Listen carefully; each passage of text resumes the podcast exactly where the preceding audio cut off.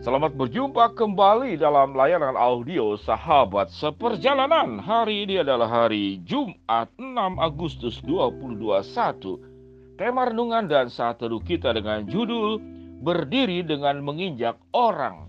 Berdiri dengan menginjak orang. Firman Tuhan terambil dalam Amsal 8 ayat yang ke-13. Demikian bunyi firman Allah. Takut akan Tuhan ialah membenci kejahatan, Aku benci kepada kesombongan, kecongkakan, tingkah laku yang jahat, dan mulut penuh tipu muslihat. Mari kita berdoa. Bapa yang di dalam sorga ya Tuhan, kehidupan kami di dalam memperjuangkan kehidupan ini tidak hanya sekedar nyaman, tidak hanya sekedar aman, namun bagaimana kami hidup secara benar bersama dengan Tuhan. Hari ini kami mau belajar agar kami bisa berdiri di tempat yang tepat di dalam nama Tuhan Yesus kami berdoa. Amin. Shalom sahabat seperjalanan yang dikasih Tuhan. Berdiri di tempat yang tepat dan jangan berdiri dengan menginjak orang. Apa artinya berdiri dengan menginjak orang? Artinya kita mengalami kenyamanan, keamanan, keberhasilan, kesuksesan, keuntungan di dalam kehidupan kita sementara orang lain dari apa yang kita lakukan itu mengalami kerugian, tersisihkan, kemudian terpinggirkan, bahkan mungkin bisa mengalami kematian di atas apa yang kita lakukan. Berbicara tentang kematian, kita bertemu dengan tokoh-tokoh yang sangat jahat di dalam sejarah dunia. Siapa orang yang berdiri dengan menginjak orang? Bagaimana mencapai sebuah kekuasaan keberhasilan dengan cara merugikan orang lain bahkan menghilangkan nyawa? Catatan sejarah mengatakan Mao Zedong Tahun 1958 itu hampir membunuh 45 juta jiwa, 45 juta. Adolf Hitler membantai 11 juta orang, di antaranya 6 juta orang Yahudi. Stalin Soviet itu membunuh 20 juta orang. Pol Pot, pemimpin Khmer Merah, membunuh 1 juta rakyat Kamboja. Siapa lagi? Saddam Hussein tahun 1979 sampai 2003 itu membunuh orang-orang Kurdi 300 ribu meninggal. Dan Idi Amin pemimpin Uganda 250 ribu pembersihan etnis yang dilakukan. Lalu orang-orang yang mengalami kehidupan yang psikopat kelainan jiwa. Ada yang namanya itu Susomu Miyazaki itu membunuh empat gadis kecil umur 4 sampai 7 tahun disetubuhi kemudian setelah itu dibunuh.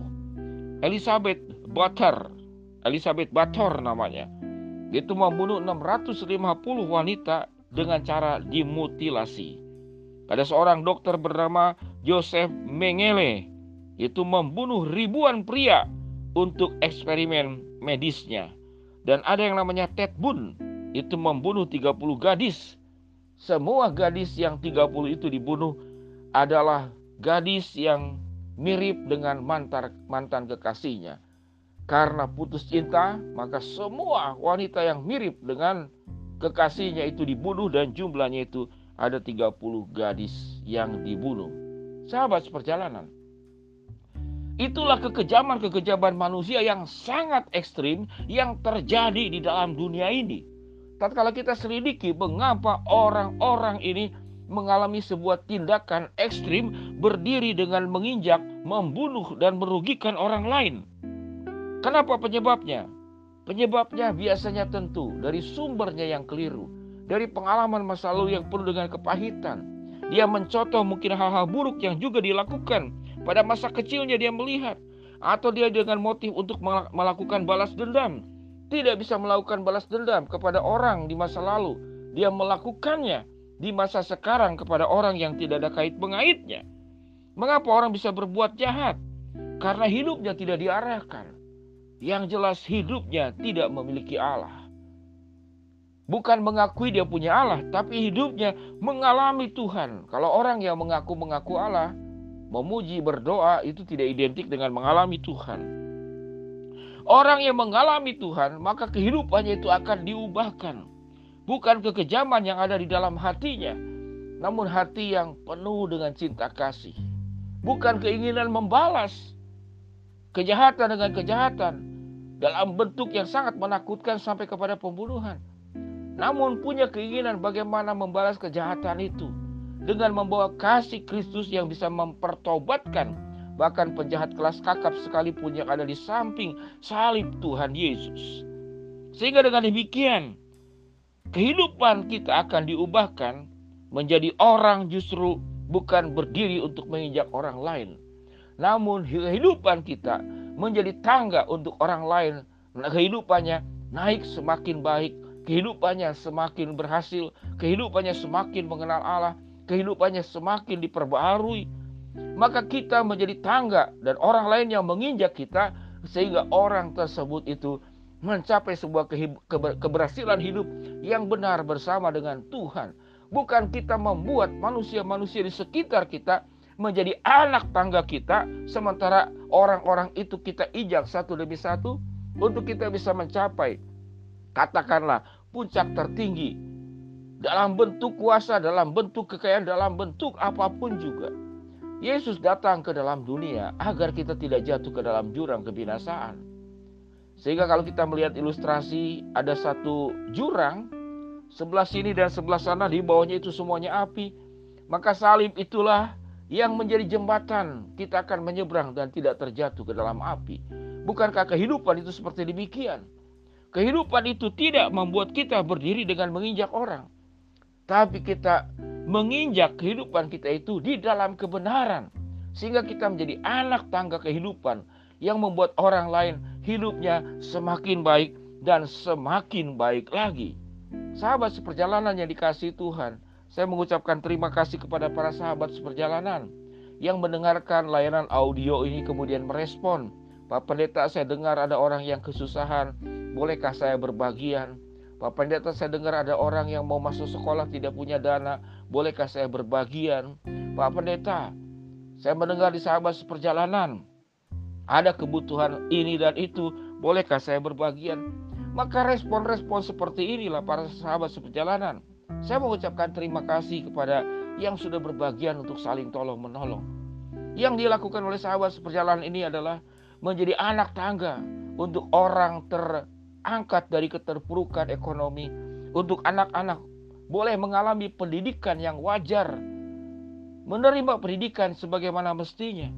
Bagaimana kemudian bisa mengubahkan orang di dalam seluruh aspek kehidupan yang gelap menjadi terang, yang terpuruk menjadi semakin naik yang tidak punya pengharapan menjadi penuh dengan semangat dalam kehidupan ini?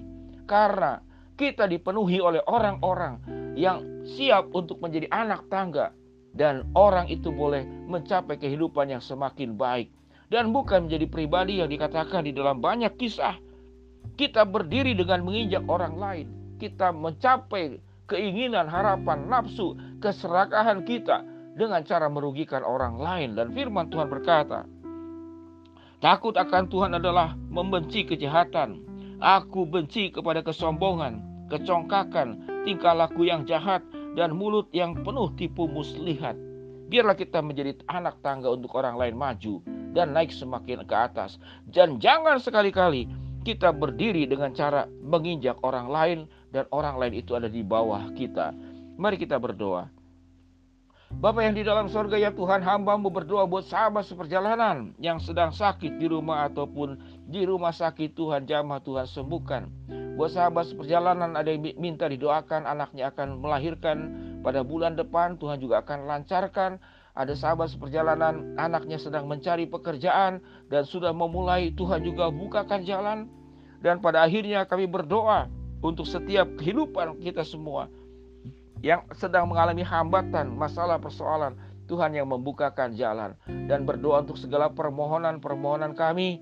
Ada seorang anak yang kemudian Pak Pendeta tolong doakan saya agar saya bisa membeli motor second karena dia sudah bekerja habis ongkos untuk hanya pakai Gojek dan Tuhan kami yakin Tuhan pun akan mencukupkan kebutuhan anak ini sehingga bisa membeli motor second, tidak perlu beli motor baru, namun bisa bekerja dengan baik dan mengirit akan biaya ongkos daripada pekerjaan pulang pergi rumah dan tempat bekerja. Di dalam nama Tuhan Yesus kami serahkan seluruh sahabat seperjalanan yang memohon berharap sesuatu Tuhan akan kabulkan. Shalom, amin. Sahabat seperjalanan yang dikasih Tuhan, Tuhan memberkati kita semua.